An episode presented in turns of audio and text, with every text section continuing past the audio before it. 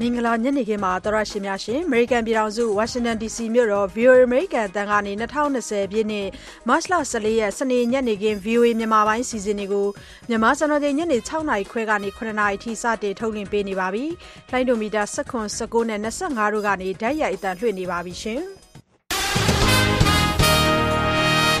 စနေညနေခင်းအစီအစဉ်မှုကကျမစုမုံပါရှင်မင်္ဂလာညနေခင်းပါရှင်ဒီကနေ့ညနေခင်းသတင်းတွေကိုတော့ကိုရနိုင်နဲ့ကျမနန်းလာတို့ပြောပြမှာပါ ကိုရိုနာဗိုင်းရပ်စ် အဓိကကူးစက်တဲ့နေရာဟာ တရုတ်နိုင်ငံမဟုတ်တော့ဘဲနဲ့ဥရောပဖြစ်လာပြီလို့ ကမ္ဘာ့ကျန်းမာရေးအဖွဲ့အစည်း WHO က ကြေညာလိုက်ပါတယ်။ကိုရိုနာဗိုင်းရပ်စ်ကူးစက်မှုကို နိုင်ငံတော်ရေးပေါ်အခြေအနေဖြစ် သမ္မတထရမ့်ကကြေညာလိုက်ပြီးတဲ့နောက်မှာတော့ အမေရိကန် အစုရှယ်ယာဈေးကွက်တွေတောက်ကြနေမှပြန်တက်လာပါတယ်။ တခါဖိလစ်ပိုင်နိုင်ငံမှာတော့မြို့ပေါင်း16မြို့မှာညမထွက်ရအမိန့်ကိုဒီကနေ့ထုတ်ပြန်လိုက်ပါတယ်။ဒီလိုသတင်းတွေကြားမှာပါမဆုမ။ဟုတ်ကဲ့ပါရှင်။ညနေခင်းအတွက်သောရရှင်တွေကိုတင်ဆက်ပေးမယ့်ထိတ်တရောက်သတင်းလွှာတွေကတော့ကမ္ဘာကပ်ရောဂါအဖြစ်နဲ့ကမ္ဘာ့ကျန်းမာရေးအဖွဲ့ကြီးကသတ်မှတ်လိုက်တဲ့ COVID-19 ရောဂါ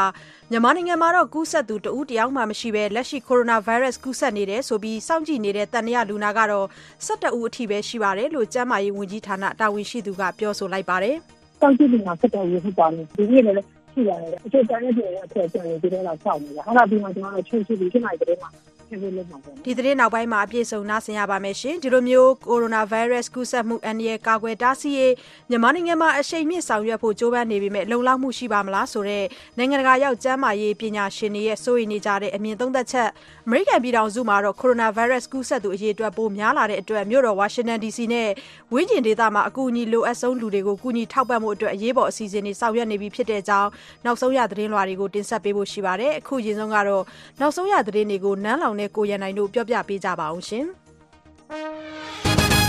ကိုရိုနာဗိုင်းရပ်စ် အဓိကကူးစက်တဲ့နေရာဟာ တရုတ်နိုင်ငံမဟုတ်တော့ဘဲနဲ့ဥရောပဖြစ်လာပြီလို့ ကမ္ဘာ့ကျန်းမာရေးအဖွဲ့အစည်း WHO က ပြောလိုက်ပါတယ်။ရောဂါကူးစက်မှု အမြင့်ဆုံးအချိန် တရုတ်နိုင်ငံမှာ ကူးစက်ခံထားရတဲ့ လူနာအရေအတွက်ထက် အခုဆိုရင် ဥရောပက ပိုများသွားပြီလို့လည်း WHO အကြီးအကဲ Tedros Adhanom Ghebreyesus က ဂျနီဗာမြို့မှာ သတင်းထောက်တွေကို သောကြာနေ့က ပြောဆိုခဲ့တာပါ။အီတလီနိုင်ငံကလည်း ပြီးခဲ့တဲ့24နာရီအတွင်း ကိုရိုနာဗိုင်းရပ်စ် လူနာသစ်2500ကျော်သွားပြီဖြစ်တဲ့အတွက် ရောဂါကူးစက်ခံရသူ စုစုပေါင်းက19660အထိ ရှိလာပါတယ်။ ကိုရိုနာဗိုင်းရပ်စ်ကြောင့် အီတလီနိုင်ငံမှာ သေဆုံးသူက1266ဦး ရှိသွားပါပြီ။စပိန်နဲ့ ဂျာမနီနိုင်ငံမှာလည်း ကူးစက်ခံရသူတွေ တိုးလာနေတာပါ။စပိန်နိုင်ငံကလည်း သီတင်းနှစ်ပတ်ကြာ အရေးပေါ်အခြေအနေကို ဒီကနေ့ ထုတ်ပြန်မယ်လို့ စပိန်ဝန်ကြီးချုပ် Pedro Sanchez က ပြောပါတယ်။အမေရိကန်ပြည်ထောင်စုမှာတော့ သမ္မတ Donald Trump က သောကြာနေ့မှာပဲ နိုင်ငံတော်အရေးပေါ်အခြေအနေ ကြေညာလိုက်တာပါ။အခုလို အရေးပေါ်အခြေအနေ ကြေညာလိုက်ခြင်းအပြင်ပြည်ထောင်စုအစိုးရအနေနဲ့ ရောဂါကာကွယ်တားဆီးရေးအတွက် အပြည့်အဝဆောင်ရွက်နိုင်ဖို့ လွှမ်းပွင့်သွားစေတယ်လို့လည်း သမ္မတ Trump က အိမ်ဖြူတော် သတင်းစာရှင်းပွဲမှာ ပြောဆိုခဲ့ပါတယ်။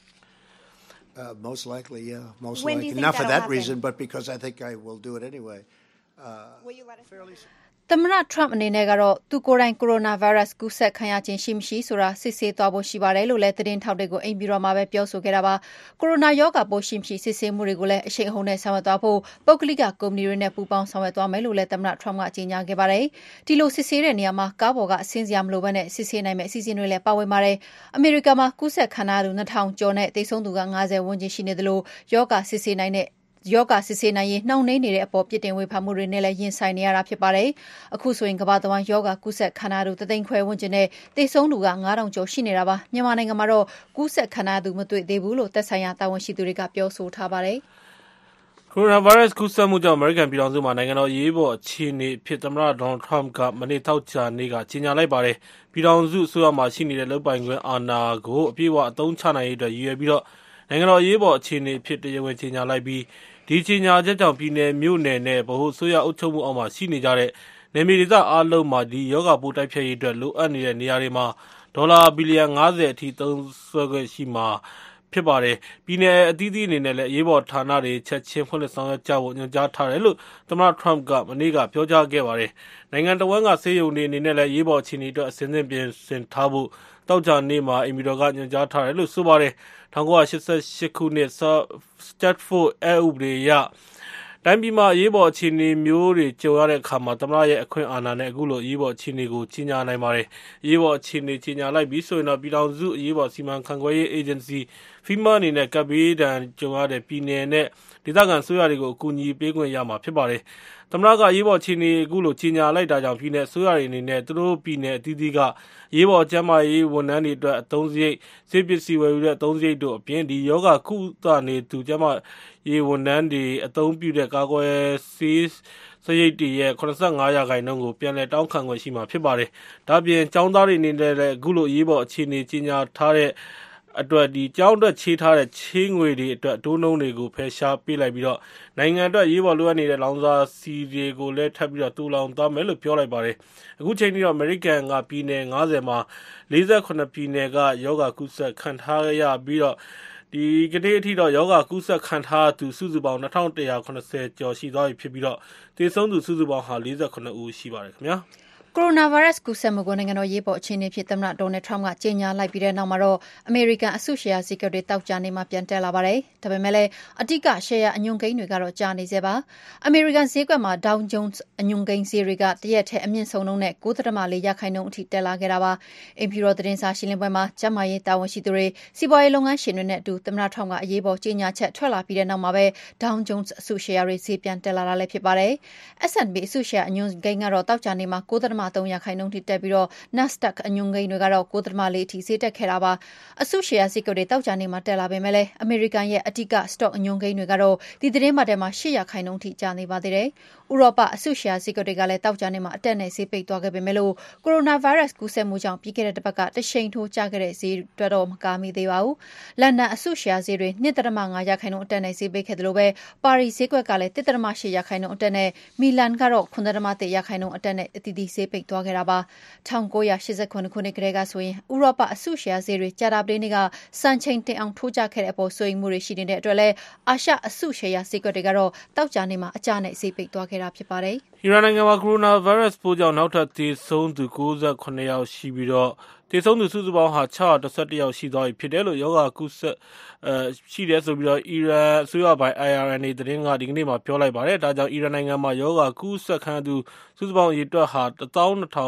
၂,၀၀၀၇၂၉ယောက်ရှိတယ်လို့လည်းပြောပါတယ်။အရှေ့အလယ်ပိုင်းဒေသမှာတော့အီရန်နိုင်ငံဟာကိုရိုနာဗိုင်းရပ်စ်ကူးစက်မှုအများဆုံးဖြစ်နေတဲ့နိုင်ငံဖြစ်ပြီးဒီလိုရောဂါကူးစက်ခံရတဲ့အထဲမှာအီရန်ထိပ်တန်းတာဝန်ရှိသူတွေနဲ့လွှတ်တော်အမတ်တွေလည်းပါဝင်ပါတယ်။တချိန်တည်းမှာပဲဆော်ဒီနိုင်ငံကလည်းကိုရိုနာဗိုင်းရပ်စ်ကူးစက်မှုတွေကိုကာကွယ်ထိန်းချုပ်တဲ့အနေနဲ့သူတို့နိုင်ငံတွင်းကိုပြည်ပကနေဝင်ရောက်လာမယ့်လေယာဉ်တွေကိုသီတင်းနှစ်ပတ်ကြာပိတ်ထားလိုက်တယ်ဆိုပြီးပြောလိုက်ပါတယ်။လေကြောင်းခရီးစဉ်တွေကိုမနက်ဖြန်တနင်္ဂနွေနေ့ကစတင်ပြီးဖျက်သွားမှာဖြစ်တယ်လို့အမည်မဖော်လိုတဲ့ဆော်ဒီပြည်ထဲရေးဝန်ကြီးဌာနတာဝန်ရှိသူတယောက်ကိုကိုးကားပြီးဆော်ဒီအစိုးရပိုင်သတင်းဌာနကပြောပါတယ်။အာရပ်စော်ဘွားများပြည်ထောင်စု UAE နိုင်ငံမှာတော့ကျန်းမာရေးအာဏာပိုင်တွေကသက်ကြီးရွယ်အိုတွေကိုအိမ်ထဲမှာပဲနေကြဖို့အမိန့်ထုတ်ပြန်ထားပြီးအစိုးရဝန်ထမ်းတချို့ကိုတော့မနက်ဖြန်တနင်္ဂနွေနေ့ကစပြီးနှစ်ပတ်ကြာအိမ်ကနေအလုပ်လုပ်သွားရဖို့ရှိတယ်လို့ပြောထားပါတယ်ခင်ဗျာ။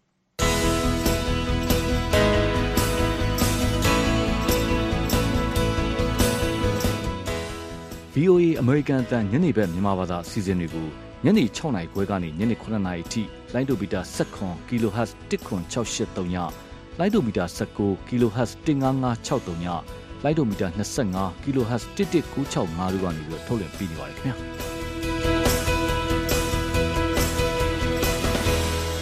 VOA မြန်မာပိုင်းရဲ့စနေနေ့ညနေခင်းထိတ်တန့်ရောက်သတင်းတွေကိုဆက်ပြီးတော့တင်ပြနေပါတယ်။ ဖိလစ်ပိုင်နိုင်ငံကမြို့ပေါင်း ၁၆ မြို့မှာ ညမထွက်ရအမိန့်ကို ဒီကနေ့ ထုတ်ပြန်လိုက်ပါတယ်။ဈေးဝယ်စင်တာကြီးတွေကိုလည်း တလပိတ်ထားဖို့ မြို့တော်ဝန်တွေက တိုက်တွန်းထားတာပါ။ဖိလစ်ပိုင်နိုင်ငံမှာ ကိုရိုနာဗိုင်းရပ်စ်ကြောင့် သေဆုံးသူ ၈ ဦးထိ ရှိနေပြီး ရောဂါကူးစက်ပျံ့နှံ့မှုကို ကာကွယ်ထိန်းချုပ်နိုင်ဖို့အတွက်အခုလိုလှုံ့ဆော်တာလည်း ဖြစ်ပါတယ်။ ဖိလစ်ပိုင်နိုင်ငံတောင်ပိုင်းက လူနာတဦးအပါအဝင် ကိုရိုနာကြောင့်သေဆုံးသူ စုစုပေါင်း ၃ ဦးထပ်တိုးလာတာကြောင့် သေဆုံးသူ ၈ ဦးထိ ရှိလာတဲ့အကြောင်း ဖိလစ်ပိုင်ကျန်းမာရေးဌာနက ဒီကနေ့ပဲ ကြေညာခဲ့တာပါ။သမ္မတ Rodrigo Duterte ကလည်း နိုင်ငံတွင်း ကျန်းမာရေးသတိပေးချက်ကို အမြင့်ဆုံးအဆင့်အဖြစ် သတ်မှတ်လိုက်သလို လူဦးရေစံသန်းရှိတဲ့ မြို့တော်မနီလာကိုလည်း အသွားအလာ အဝင်အထွက် ကန့်သတ်လိုက်ပါတယ်။သတ်မှတ်ချက်အတိုင်း အပြည့်အဝဆောင်ရွက်မယ်ဆိုရင်တော့ မနီလာမြို့ဟာ အာရှတိုက်မှာ ရောဂါထိန်းချုပ်ရေး အတင်းကျပ်ဆုံးလုပ်ကိုင်တဲ့ နေရာတခုလည်း ဖြစ်လာမှာပါ။ ဗိုင်းရပ်စ်ကူးစက်ပျံ့နှံ့မှုကို ထိန်းချုပ်နိုင်ဖို့ လူတွေရဲ့အသွားအလာကို ကန့်သတ်ဖို့လိုတယ်လို့ မနီလာဒေသဖွံ့ဖြိုးတိုးတက်ရေးဌာန ညွှန်ကြားရေးမှူး Jose Garcia က သတင်းစာရှင်းလင်းပွဲမှာ ပြောဆိုခဲ့တာပါ။အဝင်အထွက်ကန့်သတ်ချက်တွေ တနင်္ဂနွေနေ့မှာ စပြီး အသက်ဝင်မှာဖြစ်တဲ့အတွက်တိမတိုင်ခင် လူအတော်များများကလည်း မြို့ထဲကနေ ထွက်ခွာနေကြတာပါ။ဖိလစ်ပိုင်က စာသင်ကျောင်းတွေကိုတော့ ဧပြီလ ၁၂ ရက်နေ့ထိ ပိတ်ထားပါတယ်။ညမထွက်ရအမိန့်ကိုတော့ မတ်လ ၁၅ ရက်နေ့ကနေ ဧပြီလ ၁၄ ရက်နေ့အထိ သတ်မှတ်ထားတာလည်း ဖြစ်ပါတယ်။ အီရန်နိုင်ငံကအမေရိကန်ဦးဆောင်တဲ့ညမောင်းတပ်ဖွဲ့တွေရဲ့စစ်အခြေစိုက်စခန်းတခုကိုဒီနေ့မှာဒုံးကျည်တွေနဲ့တိုက်ခိုက်ခံခဲ့ရတယ်လို့အီရတ်လုံခြုံရေးတာဝန်ရှိသူတူကပြောလိုက်ပါတယ်။အီရတ်နိုင်ငံကတာဂျီစစ်အခြေစိုက်စခန်းကိုဒီကနေ့တိုက်ခိုက်မှုအတွင်းမှာထိခိုက်သေးဆုံးသူဘယ်လောက်ရှိတယ်ဆိုတာကိုတော့ချက်ချင်းမသိရသေးပါဘူး။ဒီစစ်အခြေစိုက်စခန်းကိုဒုံးကျည်10ခုထပ်မံထိမှန်ခဲ့တယ်လို့အီရတ်ဗိုလ်မှူးကြီးတူကရိုက်တာသတင်းဌာနကိုပြောပါတယ်။ဒီကနေ့တိုက်ခိုက်မှုဟာအရင်ဖြစ်နေကြပုံစံအတိုင်းမဟုတ်ဘဲနေ့ဘက်မှာတိုက်ခိုက်ခံရတာလည်းဖြစ်ပါတယ်။တာဂျီစစ် ကျေဆိုင်စခန်းဟာပြီးခဲ့တဲ့ဗုဒ္ဓဟူးနေ့ကလည်းဒုံးကျည်တွေနဲ့တိုက်ခိုက်ခံခဲ့ရပြီးတော့အဲဒီတိုက်ခိုက်မှုအတွင်းမှာတော့အမေရိကန်တပ်ဖွဲ့ဝင်2ယောက်နဲ့ဗြိတိန်ဆေးမှု1ယောက်သေဆုံးပြီးတော့14ယောက်ထပ်မံဒဏ်ရာရခဲ့ပါတယ်။ဒီတိုက်ခိုက်မှုကိုလက်တုံ့ပြန်တဲ့အနေနဲ့အမေရိကန်ကအီရတ်နိုင်ငံမှာရှိတဲ့ခါတာယီဟက်ဇ်ဘိုလာအဖွဲ့ရဲ့လက်နက်သိုလှောင်ရုံ၅ခုကိုဒုံးကျည်တွေနဲ့တိုက်ခိုက်ခဲ့ပါတယ်။ ဒီ ဟက်ဇ်ဘိုလာအဖွဲ့ကိုတော့ အီရန်နိုင်ငံကကြောထောက်နောက်ခံပေးထားတာပါ။တာဂျီ စစ်ခြေစိုက်စခန်းကို တိုက်ခိုက်ခဲ့တဲ့ ဒုံးကျည်တွေကိုတော့ အဲဒီ လက်နက်သိုလှောင်ရုံတွေမှာတင်ထားတာဖြစ်တယ်ဆိုပြီးတော့အမေရိကန်ပန်တဂွန်စစ်ဌာနချုပ်က ပြောပါတယ်ခင်ဗျာ။ Microsoft ကုမ္ပဏီကို ပူရတီထောင်သူ Bill Gates ဟာ သူ့ရဲ့ ပရဟိတလုပ်ငန်းမှာ ပို့ပြီးတော့အချိန်ပေးနိုင်ဖို့အတွက်ဆိုပြီး ကုမ္ပဏီဘုတ်ဖွဲ့ကနေ မတ်လ23ရက်တောက်ကြနေ့ကနှုတ်ထွက်လိုက်ပါတယ်။အသက်64နှစ်အရွယ် Bill Gates ဟာ ကုမ္ပဏီရဲ့ နေစဉ်လုပ်ငန်းတာဝန်တွေမှာ ပြီးခဲ့တဲ့စနစ်ကျော်ကလေးကစပြီးတော့ဦးဆိုင်လုပ်ကိုင်ခဲ့တာပါ။ကုမ္ပဏီဘုတ်ဖွဲ့ကနေ ခုလိုနှုတ်ထွက်လိုက်ခြင်းအပြင် Bill Gates နဲ့ သူ့ရဲ့ဇနီး Melinda Gates တို့ ပူရတီထောင်ထားတဲ့ လူမှုရေးအဖွဲ့အစည်းလုပ်ငန်းတွေမှာ ပိုပြီးတော့အာရုံစိုက်လုပ်ကိုင်နိုင်တော့မှာလည်း ဖြစ်ပါတယ်။ Microsoft ကုမ္ပဏီရဲ့ ဒါရိုက်တာဘုတ်အဖွဲ့ ဥက္ကဋ္ဌအဖြစ်2014ခုနှစ် အစောပိုင်းထိ Bill Gates တာဝန်ယူခဲ့တာဖြစ်ပေမဲ့လည်းအခုတော့ အပြီးတိုင်နှုတ်ထွက်လိုက်တာဖြစ်တယ်လို့ Microsoft ကုမ္ပဏီက ပြောပါတယ်။ ကိုရိုနာဗိုင်းရပ်စ် ကူးစက်မှုတွေကြောင့် ကမ္ဘာပေါ်က အဓိက ဂေါက်သီးပြိုင်ပွဲကြီးတခုဖြစ်တဲ့ The Masters ဂေါက်သီးပြိုင်ပွဲကို ရွှေ့ဆိုင်းလိုက်ပါပြီ။အမေရိကန်အပါအဝင် ကမ္ဘာတဝန်းမှာ ဖြစ်နေတဲ့ ကိုရိုနာဗိုင်းရပ်စ် ကူးစက်မှုတွေကြောင့် ဒီဂေါက်သီးပြိုင်ပွဲတွေထဲမှာ ပထမဆုံး မေဂျာပြိုင်ပွဲဖြစ်တဲ့ The Masters ပြိုင်ပွဲကို ရွှေ့ဆိုင်းလိုက်တယ်ဆိုပြီး Augusta National ဂေါက်ကွင်းရဲ့ ဥက္ကဋ္ဌ Fred Ridley က သောကြာနေ့မှာ ကြေညာပါတယ်။ The Masters ဂေါက်သီးပြိုင်ပွဲကို အမေရိကန်ပြည်ထောင်စု ဂျော်ဂျီယာပြည်နယ် Augusta မြို့မှာ လာမယ့် ဧပြီလ9ရက်နေ့မှာ ကျင်းပဖို့ မူလက စီစဉ်ထားတာပါ။အခုလို ပွဲကို ရွှေ့ဆိုင်းလိုက်တဲ့အတွက် ဒါဟာ ဒုတိယကမ္ဘာစစ်နောက်ပိုင်းမှာပ ထမဆုံးအကြိမ်ဖြစ်တဲ့ The Masters ပြိုင်ပွဲကိုရွှေ့ဆိုင်းလိုက်တာလည်းဖြစ်ပါတယ်ခင်ဗျာ။ Direct from Washington The Voice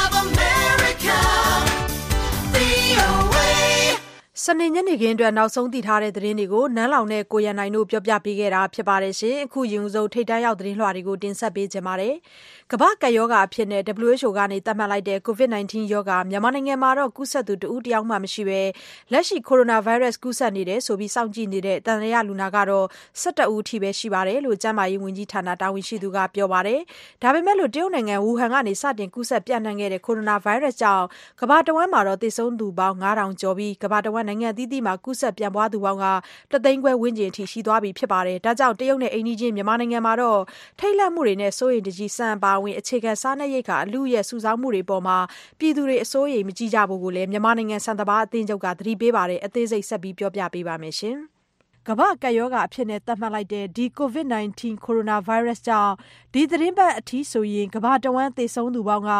၃၀၀ကျော်နဲ့ ကမ္ဘာတဝန်း နိုင်ငံအသီးသီးမှာ ကူးစက်ပြန့်ပွားသူပေါင်းတသိန်းခွဲဝန်းကျင်အထိရှိသွားပြီဖြစ်ပါတယ်။တရုတ်နဲ့ အိမ်နီးချင်း မြန်မာနိုင်ငံမှာတော့ COVID-19 ကူးစက်ခံရမှု တဦးတယောက်မှ မရှိသေးဘူးလို့ တရားဝင် ထုတ်ပြန်ထားပြီး လက်ရှိမှာရန်ကုန်တိုင်း၊မန္တလေးတိုင်း၊ပဲခူးတိုင်း အပါအဝင် နိုင်ငံတဝန်းက ဆေးရုံတွေမှာ ကိုရိုနာဗိုင်းရပ်စ် ကူးစက်မှု စောင့်ကြည့်မှု လူနာကတော့ ၁၁ ဦးအထိ ရှိနေတယ်လို့ ဒီကနေ့ စနေ ညနေပိုင်းအထိ နောက်ဆုံး အတည်ပြုလူနာစာရင်းကိုတော့ ကျန်းမာရေးဝန်ကြီးဌာန ဗဟိုကူးစက်မှု တိုက်ဖျက်ရေးဌာနရဲ့ ဒုတိယညွှန်ကြားရေးမှူးဒေါက်တာခင်ခင်ကြီးကဗွီအိုအေမြန်မာပိုင်းကိုအခုလိုအတည်ပြုပြောဆိုပါတယ်။“စောင့်ကြည့်လူနာ ၁၁ ဦးဟုတ်ပါတယ်။ဒီနေ့လည်းရှိပါတယ်။တချို့တိုင်းနဲ့ပြည်နယ်ကအဖွဲ့ကျန်နေသေးတယ်အဲဒါစောင့်နေတာ။အဲဒါပြီးမှ ကျမတို့ ချိတ်ဆက်ပြီး ၈ နာရီသတင်းမှာထည့်ပေးလုပ်မှာပေါ့နော်။ ဒီနေ့၁၁ဦးဟုတ်ပါတယ်။”နောက်တရုတ်နိုင်ငံဝူဟန်မှာပညာသင်ကြားနေတဲ့ကျောင်းသားတွေကိုပြန်ခေါ်တဲ့ခရီးစဉ်မှာကျန်ခဲ့ပြီး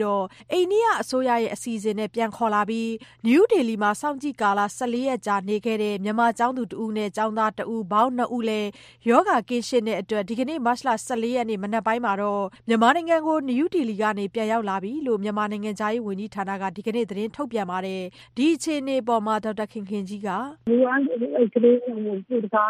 ယောက်ခေါ်မှကျန်တဲ့၂ယောက်ကိုအိန္ဒိယသံရုံးနဲ့ညှိပြီးတဲ့အခါကျတော့အိန္ဒိယအစိုးရအစီအစဉ်နဲ့အိန္ဒိယခေါ်အိန္ဒိယမှာနှစ်ပတ် quarantine စောင့်ကြည့်ပြီးတော့ကျမတို့ဆီပြန်ခေါ်လာမယ်အဲဒါတော့သိတယ်ပေါ့နော်ဟုတ်ကဲ့ဆရာမနောက်ဆုံးအနေနဲ့ပါဆရာမအခုဒီလေရင်တွေကနေပြီးတော့တဆင့်ဝင်လာတဲ့ဒီခီးသည်တွေရှိကရောဆရာမတို့ကျန်းမာရေးစစ်ဆေးမှုတွေဘာများလှုပ်ဆောင်ပါလဲရှင်ဒါကတော့ဒီကမှာကိုဆောင်းပါတယ်နှစ်နေရာမှာကျမတို့ဆောင်းပါတယ်ဟိုလက်လျှောက်လမ်းမှာတခါတာမကန်လာနဲ့ဆုတ်တဲ့အပြင်ဟိုကျ မတို့အောက်ရောက်လို့ရှိရင်ဒီဆော်ရက်တောင်မို့တာမကန်လာနဲ့ထပ်ပြီးတော့လုပ်ပါတယ်ဒါမျိုးတွေလည်းတင်းရရလုပ်ပါတယ်ဒီလိုချင်းတော့သူတို့ရဲ့သူတို့မိစ္ဆာတွေတက်ဖို့ရဲ့ဥစ္စာတွေဒီကြက်တက်ကျွန်တော်ဖြစ်ပြီးပါဆမှန်ကန်ကန်ဖြစ်ပြီးရှိမရှိပေါ့နော်အဲ့ဒါမျိုးတွေလည်းကျွန်တော်ဆောင်ရနေကြတယ်ခုလက်ရှိမှာတော့ရောဂါဖြစ်ပွားမှုများတဲ့နေရာပေါ့မြစ်တန်းကြီးလာတဲ့ဒီလိုတော့အထူးကြပြပြီးတော့နော်ပေါ်လန်ဒီလိမ့်တဲ့ကိစ္စတွေဆောင်ရွက်နေတာ တရုတ်နဲ့ နယ်နိမိတ်ချင်းမှာ ထိစပ်နေတဲ့ မြန်မာနိုင်ငံတွင်းမှာ ကိုရိုနာဗိုင်းရပ်စ် ကူးစက်ခံရမှာကို အများပြည်သူက စိုးရိမ်နေပြီး သတင်းမှားတွေ ကောလာဟလတွေလည်း ထွက်နေကြကြောင်းပိုပြီးတော့ ထိတ်လန့်နေကြတာပါ။ဒါကြောင့်စံပါဝေအခြေခံ စားနပ်ရိက္ခာတွေကို မြန်မာပြည်သူတွေ စိုးရိမ်တကြီး ဝယ်ယူစုဆောင်းနေကြတာနဲ့ ပတ်သက်ပြီး အစိုးရနဲ့ သက်ဆိုင်ရာ အဖွဲ့အစည်းတွေဘက်က အစိုးရိမ်မကြီးကြဖို့ လူထုကို ပန်ကြားနေပါတယ်။မြန်မာနိုင်ငံစံတဘာအသင်းချုပ်ရဲ့ ဗဟိုအလုံးမှုဆောင်တဦးဖြစ်တဲ့ ဒေါက်တာစိုးထွန်းက လက်ရှိ ကျွန်တော်တို့ လူတွေ စိုးရိမ်နေလို့ပေါ့ ကျွန်တော်တို့ တိုင်းပြည်ကတော့ စားနပ်ရိက္ခာပြတ်ဖို့တော့သိနေရှိပေါ့နော်။အဲဒါကျွန်တော်တို့ကခုပြည်ကပြည်တွင်းရောက်ဟာဒီနေရာထွက်ကုန်မရှိထွက်တာလေ။အော်ဆန်နဲ့ပတ်သက်ရင်ကျွန်တော်နေ့စဉ်နေ့တိုင်းတိုင်းနှစ်တန်းကျော်သုံးတန်းဒီပါတော့တော့ export ပို့နေတာရှိတယ်လေ။အော်ဒီပို့စီမှာပို့ဆန်ရဲ့အပိုင်းမှာရှိပါတယ်။ဟိုကျွန်တော်ဆန်ဘာနဲ့ပတ်သက်ရင်တော့ စိုးရိမ်မှုကမရှိဘူးလို့ပြောကြတာပေါ့နော်ဆရာဒါမဲ့လူတွေကလည်းဘာပဲပြောပြောတခုခုဆိုလို့ရှိရင်အဲ့လိုမျိုးဒီစိုးရင်တကြီးနဲ့စံစုတာစီစုတာအဲ့လိုမျိုးတွေလည်းရှိတဲ့ခါကြတော့ဒီလိုမျိုးအချိန်မှာဒီလိုဈေးကစားတာတို့ဘာလို့မဖြစ်နိုင်အောင်လို့ဒီအစိုးရဘက်နဲ့ဆရာတို့ဒီတာဝန်ရှိတဲ့သူတွေပေါ့နော်ဒီအကုန်သိမ်းများအဖွဲ့ဘက်ကရောဘာတွေများဆောင်ရွက်တာရှိပါလဲရှင်စီဝါရေးနဲ့ပြည်ထောင်ရောင်းဝင်ခဏနဲ့ကျွန်တော်တို့က ပြည်စုံပြည်စုံတော့ရှိတယ်ပေါ့နော်ဒီလိုစံသေးကတော့တက်စရာတော့မရှိပါဘူးဒါဟိုကျွန်တော်တို့ဒီကတော့ဒီစံဆက်တွေလုပ်ငန်းရှင်တွေတက်မှာတယ်စံလုံးအောင်ရှိတယ်ပေါ့နော်ဘယ်လိုစံလေးတက်မယ်လို့ပြောရင်ကျွန်တော်တို့အနေနဲ့ကစံလေးမတက်အောင်တော့ဒုတိယရောင်းချသွားဖို့ရှိပါတယ် ခုလက်ရှိမှာတော့ ဒီ COVID-19 ရဲ့ဒီကရက်က အာရှနိုင်ငံတွေရောဒီကမ္ဘာတဝန်းမှာရောပေါ့နော်ဒီအများကြီး ထိခိုက်မှုတွေဖြစ်တယ် အထူးသဖြင့်ဒီကုန်သွယ်စည်းဝါးကိစ္စတွေမှာ ဒီလို ဈေးနှုန်းအတက်ကြတွေက တော်တော်လေးဖြစ်တာတွေ နောက် stock ဆရာဈေးတွေလည်း ကျတာတွေလည်းရှိတော့ လက်ရှိ မြန်မာနိုင်ငံမှာရော ဆရာတို့လိုမျိုး ဒီလို လုပ်ငန်းရှင်တွေဒီနဲ့ ဘယ်လိုများဟိုထိခိုက်မှုတက်ရောက်မှု ရှိပါလဲဆရာ။တော့ရောဒါလိုက်တက်ရောက်မှုဖြစ်နေရတော့ဆယ်ကျိုးလုပ်ငန်းနော်။ဆယ်ကျိုးလုပ်ငန်းတချို့တော့ကျွန်တော်ဆက်ဝင်ကျိုးပိတ်တဲ့ဟာမျိုးတော့ ရှိတယ်နော်။နောက်တစ်ခုကခီးသွားတဲ့လုပ်ငန်းတွေတော့ ထိခိုက်မှုရှိနေတယ်နော်။ ဒါနဲ့ပတ်သက်တော့လည်း ပြီးခဲ့တဲ့ရက်မှာတော့ အစိုးရအဖွဲ့ကတော့ဒါသူဘော်မီရဲ့အဖွဲ့ကြီးကတွေ့တယ်။နောက်ဗန်လုံးလုံးကိုဆော့ချပြီးတာ လုပ်တယ်ပေါ့နော်။ကျွန်တော်တို့ကပိုးလို့ရတော့လေဒီကျွန်တော်တို့က တရုတ်နိုင်ငံနဲ့ ဆက်ဆက်နေရတော့ကြောင့်မို့ တရုတ်နိုင်ငံကနေပုံမစည်းမရတဲ့ ပြဿနာတွေချိုးလို့ရှိတယ်။ကျွန်တော်ကဒီတင်ပြင်ဆင်တဲ့အပိုင်းကိုလုပ်ကြတာပေါ့ လက်ရှိမြန်မာနိုင်ငံမှာတော့ COVID-19 ရောဂါကာကွယ်ထိန်းချုပ်ကုသရေး အစိုးရနဲ့သက်ဆိုင်ရာအဖွဲ့အစည်းတွေ ပူးပေါင်းဆောင်ရွက်နေကြပါတယ်လို့ အစိုးရက လူထုကို အသိပေးနေပေမဲ့လို့ အများပြည်သူလူထုအကြားမှာတော့ စိုးရိမ်မှုတွေက မြင့်တက်နေဆဲဖြစ်ပါတယ်ရှင်။တဆက်တည်းပါပဲ ဒီလိုမျိုး ကိုရိုနာဗိုင်းရပ်စ် ကူးစက်မှုအန္တရာယ် ကာကွယ်တားဆီးနိုင်မှုမြန်မာနိုင်ငံက အရှိန်မြင့်ဆောင်ရွက်ဖို့ ကြိုးပမ်းနေပေမဲ့လို့ လုံလောက်မှုရှိပါမလားဆိုပြီး ကျန်းမာရေးပညာရှင်တွေကတော့ စိုးရိမ်နေကြပါတယ်။အပြည့်အစုံကိုတော့ ဆက်သွယ်မေးမြန်းထားတဲ့ ကိုညံဝင်းအောင်ပြောပြပေးပါရှင်။ ကိုရိုနာဗိုင်းရပ်စ် ကူးစက်သူ မရှိသေးဘူးလို့ ဆိုပေမဲ့ကြိုတင်ကာကွယ်တဲ့ အစီအစဉ်တွေကို တိုးမြှင့်မယ့်အကြောင်း မြန်မာအစိုးရသမ္မတရုံးကတောက်ကြနေမှာပဲ ကြေညာလိုက်တာပါ ကိုရိုနာဗိုင်းရပ်စ် ကူးစက်မှုဟာ ကမ္ဘာကပ်ရောဂါအဆင့်အထိပြန့်နှံ့လာနေပြီဖြစ်ကြောင်း ကမ္ဘာ့ကျန်းမာရေးအဖွဲ့ WHO က ဒီသတင်းပတ်တည်းကြေညာလိုက်ပြီးနောက်မှာပဲ လူအများပြား တက်ရောက်တဲ့ အခမ်းအနား ကျင်းပတာတွေ အပါအဝင် ကူးစက်မှု တားဆီးရေး အစီအစဉ်တွေကို တိုးမြင့်လှုပ်ဆောင်မဲ့အကြောင်း သမ္မတရုံး ပြောခွင့်ရသူ ဦးစောထေးက ပြောဆိုလိုက်တာ ဖြစ်ပါတယ် ဒါပေမဲ့လည်း လုံလောက်မှု ရှိရလားဆိုတဲ့အပေါ်မှာတော့ အမေရိကန် အင်ဒီယားနားပြည်နယ်မှာနေတဲ့ အငိမ့်စား မြန်မာဆရာဝန်ကြီးဖြစ်သူ ဒေါက်တာတင့်ဆွေက မေးခွန်းထုတ်ပါတယ်။အစိုးရက ဘာတွေလုပ်နေဆိုတာ အသေးစိတ်တော့ မသိဘူး။ပို့ပြီးတော့လှုပ်လာတာတော့ ကျွန်တော်တွေ့တယ်ခင်ဗျ။ဒါပေမဲ့ အခုလိုဖြစ်နေတဲ့ကိစ္စမှာ ပြောစရာနှစ်ချက်ရှိပါတယ်ခင်ဗျ။အစိုးရပိုင်း သို့မဟုတ် အုပ်ချုပ်ရေးမှာ တာဝန်ရှိတဲ့အပိုင်းကတစ်ခုနဲ့ ပြည်သူလူထုအပိုင်းကတစ်ခု နှစ်ခုလုံးမှာအားနည်းချက်ကြီးတွေရှိနေတယ်လို့ကျွန်တော်တွေ့ရပါတယ်အစိုးရပွင့်လင်းမြင်သာမှုလို့ခေါ်တဲ့အဲတယောက်တဲ့ဟလာဖြည့်ရှင်းချက်တွေကြီးညာချက်တွေလှုပ်ဆောင်နေတာဟာအတော့ကိုနည်းနေသေးတယ်လို့ကျွန်တော်မြင်တယ်နောက်တစ်ခါပြည်သူလူထုကြားမှာကာကွယ်နည်းတွေရောကုသနည်းတွေရောသတင်းအချက်လက်တွေရောမမှန်ကန်တဲ့သတင်းတွေမဟုတ်တဲ့သတင်းတွေအချက်လက်တွေတော်တော်များများပလူပြန်အောင်ပြန့်နေတယ်အဲ့လိုမမှန်တာတွေဆိုရင်ပို့ပြီးတော့စိတ်ဝင်စားပြီးဖြန့်ကြတယ် ပြုကြတယ်ဆိုတော့ဗမာနိုင်ငံရဲ့အခြေအနေဟာဒီအာဏာချက်ကြီးနှစ်ခုကြောင့်တကယ်ကိုကမ္ဘာလုံးဆိုင်ရာကာယောဂါကြီးတစ်ခုကိုကင်တွယ်ဖြည့်ရှင်းတဲ့နေရာမှာကျွန်တော်တို့တော်တော်ကိုစိုးရင်စရာကောင်းတဲ့အခြေအနေတည်းလို့ကျွန်တော်မြင်ပါတယ်။သမ္မတရုံးရဲ့ကြီးညာချက်ထဲမှာလူစုလူဝေးနဲ့ကျင်းပတဲ့အခမ်းအနားတွေပွဲလန်းသပင်တွေမပြုလုပ်ကြဖို့တားဆီးထားပြီးရိုးရာသကြံပွဲတော်အတွက်မန္တဆောက်လုပ်ကျင်းပတာမျိုးမလုပ်ကြဖို့ကိုလည်းဟန်တားထားပါတယ်။ဒါပေမဲ့တိုင်းပြည်လုံးအတိုင်းအတာနဲ့ ပြည်သူတွေသကြံပွဲတော် လုံးဝမလုပ်ဖို့အထိ တားမြစ်တာမျိုးတော့ မရှိသေးပါဘူး လူအများစု စုဝေးနိုင်တဲ့ သင်္ကြန်လို ပွဲတော်မျိုးကို ကျင်းပမလား ပိတ်ပင်မလား ဆိုတာကိုတော့ အစိုးရက အမျိုးသားရေးပြဿနာတရပ်အဖြစ် ရှုမြင်ဆုံးဖြတ်သင့်တယ်လို့ ဒေါက်တာတင့်ဆွေက မြင်ပါတယ်။ကျွန်တော်တို့တရားမှာ လူအလုံးကဟလာရေးပက်ကြတယ် ဆိုတော့ မျက်စိ မျက်နှာ စသဖြင့် ဒီကိုရိုနာဗိုင်းရပ်စ် ကူးစက်မှုဟာ မျက်စိ မျက်နှာ နှာခေါင်း စသဖြင့်ပေါ့နော်ဒီနေရာတွေကို ထိတွေ့ရနေ ကူးစက်တယ် ကျွန်တော်ရေပက်လို့ကိုရိုနာဗိုင်းရပ်စ်မကူးဘူးဆိုတာပြောလို့မရတဲ့အတွက်တကယ်လို့များကြံပေါ်ရနေကိုရိုနာဗိုင်းရပ်စ်ဖြစ်ရင်တော့ဒါဆေးတုတေသနာတော့အစ်စ်တော့ဖြစ်ရလိမ့်မယ်ဆိုတော့အဲ့ဒီအထီကိုတွေးပြီးတော့ကြံပွဲလုံးမလားပိတ်မလားဆိုတဲ့အချက်တွေကိုနိုင်ငံရေးဆုံးဖြတ်ချက်တည်လုပ်တင်ကြတယ်လို့မြင်ပါတယ်ကိုရိုနာဗိုင်းရပ်စ်ကာကွယ်ထိန်းချုပ်ကုသရေးအတွက်မြန်မာနိုင်ငံမှာအမျိုးသားအဆင့်ဗဟိုကော်မတီကိုလည်း နိုင်ငံတော်အတိုင်ပင်ခံပုဂ္ဂိုလ် ဒေါအောင်ဆန်းစုကြည် ဦးဆောင်ပြီး ဖွဲ့စည်းခဲ့တာပါ။အမေရိကန်ပြည်ထောင်စု နယူးယောက်မြို့မှာ ကိုရိုနာဗိုင်းရပ်စ် ဝေဒနာရှင်တွေကို ကိုယ်တိုင် ဆေးကုသပေးနေတဲ့ မြန်မာနွယ်ဖွား ဆရာဝန် ဒေါက်တာဇေယျာသက်ကတော့ ရောဂါတိုက်ဖျက်ရေးမှာ ဒေသန္တရအစိုးရတွေရဲ့ အခန်းကဏ္ဍကိုပါ မြှင့်တင်ဖို့လိုတယ်လို့ အကြံပြုပါတယ်။ဒီအခုလက်ရှိပေါ့နော်။ကျနော်လည်းတွေ့ပါတယ် ဒီလိုကောလာဟလသတင်းတွေဖြစ်တယ်။လူတွေ ထိတ်လန့်ဖွယ်ရာ သတင်းတွေကို လျှောက်တင်တဲ့ဟာတွေလည်းဖြစ်တယ်။ဆိုတော့ ဒီအစိုးရပိုင်းအနေနဲ့ ဆိုတော့ကျွန်တော်တို့ကရန်ကုန်တိုင်းဆိုရန်ကုန်တိုင်းပဲခူးတိုင်းဆိုပဲခူးတိုင်းပေါ့နော်ဝန်ကြီးချုပ်တွေအနေနဲ့တာဝန်ယူမှုတာဝန်ခံမှုဆိုတဲ့အပိုင်းကိုသူတို့အနေနဲ့လူတွေကိုရှင်းလင်းပြသပေးရပါမယ်သတင်းစာရှင်းလင်းပွဲလိုပါမယ်ပေါ့နော်ဥပမာ9မိနစ်ဖြစ်စီမိနစ်20ဖြစ်စီဒါကကျွန်တော်တို့လူဒုတိုင်းပြည်မှာရှိတဲ့လူတွေကို confidence level ပေးတာပါဟိုဒါမျိုးမလုပ်လို့ရှိရင်တော့လူတွေကပေါ်လာတာသတင်းဆိုအရန်ပြန့်လွယ်တဲ့သတင်းတစ်ခုပါဒီကျွန်တော် US မှာလိုမျိုးပဲပေါ့ဒီဖြစ်နေတဲ့အရက် data ကိုမူတည်ပြီးတော့ special power ပေးလိုက်ပါ ကိုရိုနာဗိုင်းရပ်စ်နဲ့ ပတ်သက်လို့ လူထုကြား အထိတ်တလန့်ဖြစ်စေမယ့် ကောလာဟလ သတင်းတွေ မဖြန့်ကြဖို့နဲ့ မမှန်သတင်းဖြန့်ပြီး ကုန်စည်နှုန်း မတည်ငြိမ်အောင် လှုံ့ဆော်သူတွေကို ထိရောက်စွာ အရေးယူသွားမှာ ဖြစ်တယ်လို့ မြန်မာသမ္မတရုံး ပြောခွင့်ရ ဦးဇော်ဌေးက မတ်လ23ရက်တောက်ကြနေ့ သတင်းစာရှင်းလင်းပွဲမှာ သတိပေးခဲ့ပါတယ်ခင်ဗျာ။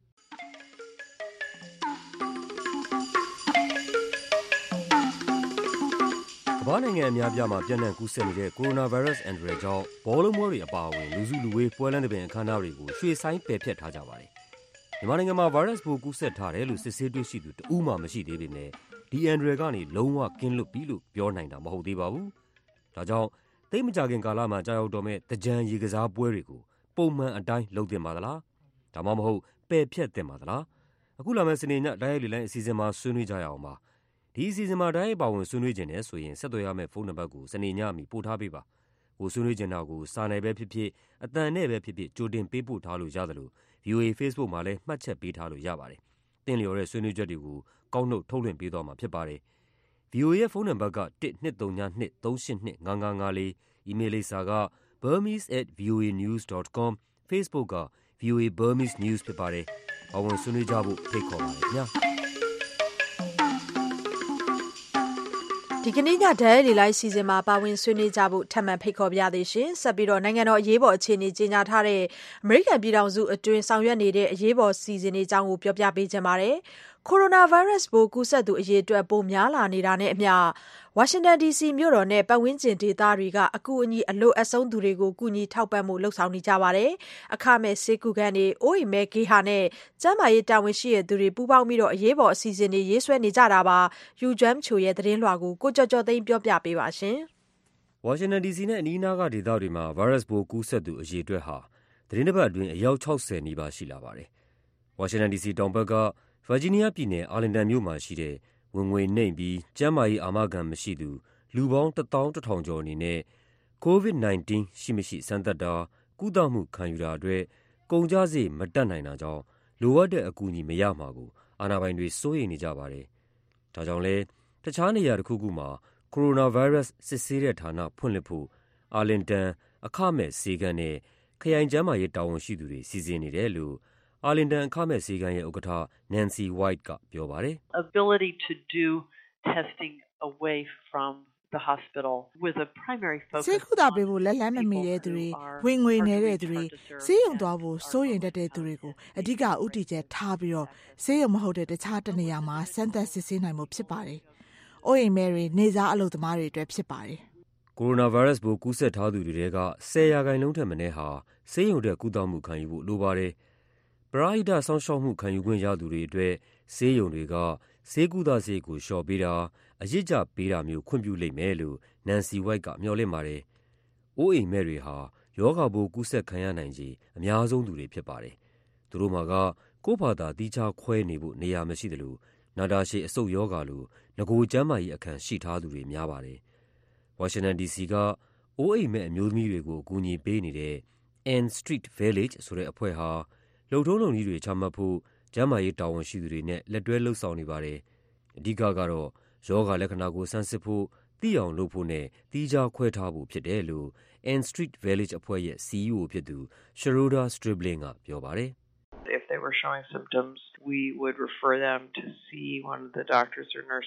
“သူတို့မှာ ရောဂါလက္ခဏာပြတယ်ဆိုရင် စစ်ဆေးတဲ့နေရာက ဆရာဝန်တွေ၊သူနာပြုတွေနဲ့ သွားပြီး တွေ့ခိုင်းပါမယ်။ ပြီးတဲ့အခါသူတို့တနေရာရာသွားဖို့လိုမလားဆိုတာအကြံပေးနိုင်မှာဖြစ်ပါတယ်။”အိုးအိမ်မဲ့အတော်များများမှာ Medicaid ဒါမှမဟုတ် Medicare လိုကျန်းမာရေးခံစားခွင့်တွေရှိထားတာမို့ကျန်းမာရေးအာမခံမရှိတာကြောင့်ဆိုပြီးဆရာဝန်နဲ့သွားမတွေ့နိုင်တာမျိုးမဖြစ်သင့်ဘူးလို့လည်း Sharoda Stribling ကပြောပါတယ်။အထူးသဖြင့်ကျန်းမာရေးစောင့်ရှောက်မှုစနစ်အားနည်းတဲ့နိုင်ငံတွေမှာကြိုတင်ပြင်ဆင်မှုသိပ်ကိုအားနည်းတယ်ဆိုတာကျန်းမာရေးအာမခံချက်ခိုင်မာမှုဆိုင်ရာ Johns Hopkins ဌာနက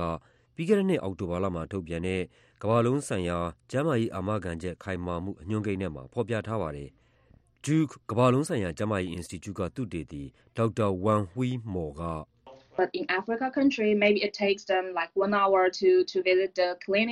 အာဖရိကနိုင်ငံတွေမှာ ဆေးခန်းသွားဖို့ တနာရီလောက်ထိ ကြာနိုင်ပါတယ်။အဲဒီလူတွေကို ဂရုစိုက်လုပ်ဆောင်ပေးဖို့ လိုပါတယ်။ဆေးခန်းကို သူတို့မလာနိုင်ရင် သူတို့ဆီသွားပြီး ဆေးကုပေးတာမျိုး လုပ်ပေးသင့်ပါတယ်။” ကျန်းမာရေးစောင့်ရှောက်မှုစနစ် ပိုပြီးအားနည်းတဲ့ နိုင်ငံတွေမှာ COVID-19 ရောဂါပိုး တချိန်ချိန်မှာ ပျံ့နှံ့ကူးစက်လာဖို့က သေချာတယ်လို့ ကျွမ်းကျင်သူတွေက သတိပေးထားပါတယ်။သိရှိထားတာတွေနဲ့ သတင်းအချက်အလက်တွေကို တကမ္ဘာလုံးအဆင့်အနေနဲ့ အချိန်နဲ့တပြေးညီ အပြန်အလှန်ဖလှယ်ဖို့ သိပ်အရေးကြီးတယ်လို့လည်း ကျွမ်းကျင်သူတွေက ပြောပါတယ်ခင်ဗျား။ ကိုကျော်ကျော်သိန်းပြောပြပေးခဲ့တာပါ။ VOA အမေရိကန်အသံရဲ့စနေညနေခင်းမြန်မာဘာသာအစီအစဉ်တွေကိုဝါရှင်တန်ဒီစီမြို့တော်ကနေတိုက်ရိုက်ထုတ်လွှင့်ပေးနေတာပါ။နောက်၂နာရီကြာည၉နာရီကနေ၁၀နာရီအထိထုတ်လွှင့်ပေးမယ့်အစီအစဉ်တွေမှာတော့ဒို့အသံအစီအစဉ်နဲ့အတူစနေညတိုက်ရိုက်လေလှိုင်းဆွေးနွေးခန်းနဲ့နောက်ဆုံးရသတင်းတွေကိုတင်ဆက်ပေးဖို့ရှိပါတယ်။အခုကျန်နေသေးတဲ့အချိန်မှာတော့နောက်ဆုံးရသတင်းကျဉ်းချုပ်ကိုနန်းလောင်ဝ်ကတင်ပြပေးပါမယ်။ ကိုရိုနာဗိုင်းရပ်စ် အဓိကကူးစက်တဲ့နေရာဟာ တရုတ်နိုင်ငံမဟုတ်တော့ဘဲ ဥရောပဖြစ်လာပြီလို့ ကမ္ဘာ့ကျန်းမာရေးအဖွဲ့အစည်း WHO က ပြောလိုက်ပါတယ်။ရောဂါကူးစက်မှု အမြင့်ဆုံးအချိန် တရုတ်နိုင်ငံမှာ ကူးစက်ခံရတဲ့ လူနာအရေအတွက်ထက် အခုဆိုရင် ဥရောပက ပိုများသွားပြီလို့ WHO အကြီးအကဲက ဂျနီဗာမြို့မှာ သတင်းထောက်တွေကို သောကြာနေ့က ပြောဆိုခဲ့တာပါ။အီတလီနိုင်ငံကလည်း ပြီးခဲ့တဲ့ ၂၄ နာရီအတွင်း ကိုရိုနာဗိုင်းရပ်စ် လူနာသစ် ၂,၅၀၀ ကျော်သွားတဲ့အတွက် ရောဂါကူးစက်ခံထားရသူ စုစုပေါင်း ၁၇,၆၆၀ ထိ ရှိလာပါတယ်။ ကိုရိုနာဗိုင်းရပ်စ်ကြောင့် အီတလီနိုင်ငံမှာ သေဆုံးသူ ၁,၂၆၆ ဦး ရှိသွားပါပြီ။စပိန်နဲ့ ဂျာမနီနိုင်ငံမှာလည်း ကူးစက်ခံရသူတွေ တိုးလာနေတာပါ။စပိန်နိုင်ငံကလည်း သီတင်းနှစ်ပတ်ကြာ အရေးပေါ်အခြေအနေကို စနေနေ့မှာ ထုတ်ပြန်မယ်လို့ စပိန်ဝန်ကြီးချုပ်က ပြောဆိုထားပါတယ်။ ကိုရိုနာဗိုင်းရပ်စ် ကူးစက်မှုကြောင့် အမေရိကန်ပြည်ထောင်စုမှာ နိုင်ငံတော် အရေးပေါ်အခြေအနေအဖြစ် သမ္မတ Trump က မနေ့ သောကြာနေ့က ကြေညာခဲ့ပါတယ်။ပြည်ထောင်စုအစိုးရမှာရှိနေတဲ့ လုပ်ပိုင်ခွင့်အာဏာကို အပြည့်အဝအသုံးချနိုင်ရေးအတွက် ရည်ရွယ်ပြီး နိုင်ငံတော် အရေးပေါ်အခြေအနေအဖြစ် တရားဝင်ကြေညာလိုက်ပြီး ဒီကြေညာချက်ကြောင့် ပြည်နယ် မြို့နယ်နဲ့ ဗဟိုအစိုးရအုပ်ချုပ်မှုအောက်မှာရှိနေကြတဲ့ နယ်မြေဒေသတွေအားလုံးမှာ ရောဂါပိုးတိုက်ဖျက်ရေးအတွက် လိုအပ်နေတဲ့နေရာတွေမှာ ဒေါ်လာ ဘီလီယံ ၅၀ထိ သုံးစွဲခွင့်ရတော့မှာဖြစ်ပါတယ်။ပြည်နယ်အသီးသီးအနေနဲ့လည်း အရေးပေါ်ဌာနတွေ ချက်ချင်းဖွင့်လှစ်ဆောင်ရွက်ကြဖို့ ညွှန်ကြားထားတယ်လို့ သမ္မတ Trump ကပြောဆိုပါတယ်။ အီရန်နိုင်ငံမှာ ကိုရိုနာဗိုင်းရပ်စ်ကြောင့် နောက်ထပ်သေဆုံးသူ ၉၇ ယောက်ရှိတယ်လို့ အီရန်နိုင်ငံက ပြောလိုက်ပါတယ်။အခုဆိုရင် သေဆုံးမှုကြောင့် အီရန်နိုင်ငံမှာ ကိုရိုနာဗိုင်းရပ်စ်ကြောင့် သေဆုံးသူ စုစုပေါင်း ၆၀၀ ကျော် ရှိသွားပါပြီ။ရောဂါကူးစက်ခံရသူ အရေအတွက်၁၂,၇၂၉ ယောက် ရှိတယ်လို့ အီရန်အစိုးရပိုင် IRNA သတင်းက ဒီကနေ့ ပြောပါတယ်။အရှေ့အလယ်ပိုင်းဒေသမှာတော့ အီရန်ဟာ ကိုရိုနာဗိုင်းရပ်စ် ကူးစက်မှု အများဆုံးဖြစ်တဲ့နိုင်ငံဖြစ်ပြီး အဲဒီလို ကူးစက်ခံရတဲ့အထဲမှာ အီရန် ထိပ်တန်းတာဝန်ရှိသူတွေနဲ့ လွှတ်တော်အမတ်တွေလည်း အများအပြား ပါဝင်ပါတယ်။ စနေညနေခင်းအတွက်နောက်ဆုံးရသတင်းကျဉ်းချုပ်ကိုနန်းလောင်ဝ်ပြောပြပေးခဲ့တာပါ။ဒီညနေခင်းအတွက်အစီအစဉ်ထုတ်လုပ်ရေးမှူးကကိုရန်နိုင်ပါ။စက်ပိုင်းဆိုင်ရာအသံဖတ်အင်ဂျင်နီယာကတော့ Tina Cornelius ပါ။ကျမစုမွန်ပါ။ဒီညနေခင်းအစီအစဉ်တွေကိုတာဝန်ယူတင်ဆက်ပေးခဲ့တာပါ။နောက်၂နာရီကြာည၉နာရီကနေ၁၀နာရီအထိထုတ်လွှင့်ပေးမယ့်ညပိုင်းအစီအစဉ်မှာပြန်ပြီးဆုံကြရအောင်ပါ။ VOA ကိုနားတော်တာဆင်ခဲ့တဲ့အတွက်ကျေးဇူးအထူးပဲတင်ရှိပါတယ်။သောတရှင်တွေအားလုံးရွှင်လန်းချမ်းမြေ့ကြပါစေရှင်။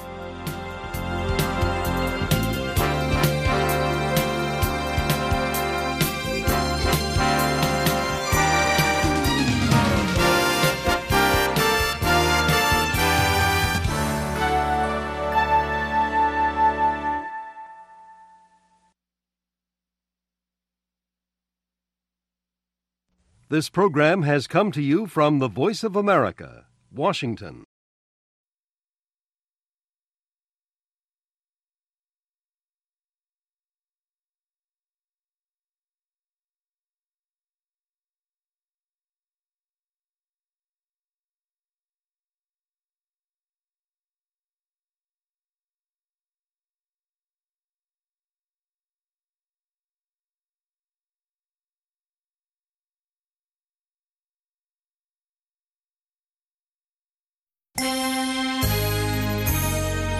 From Washington.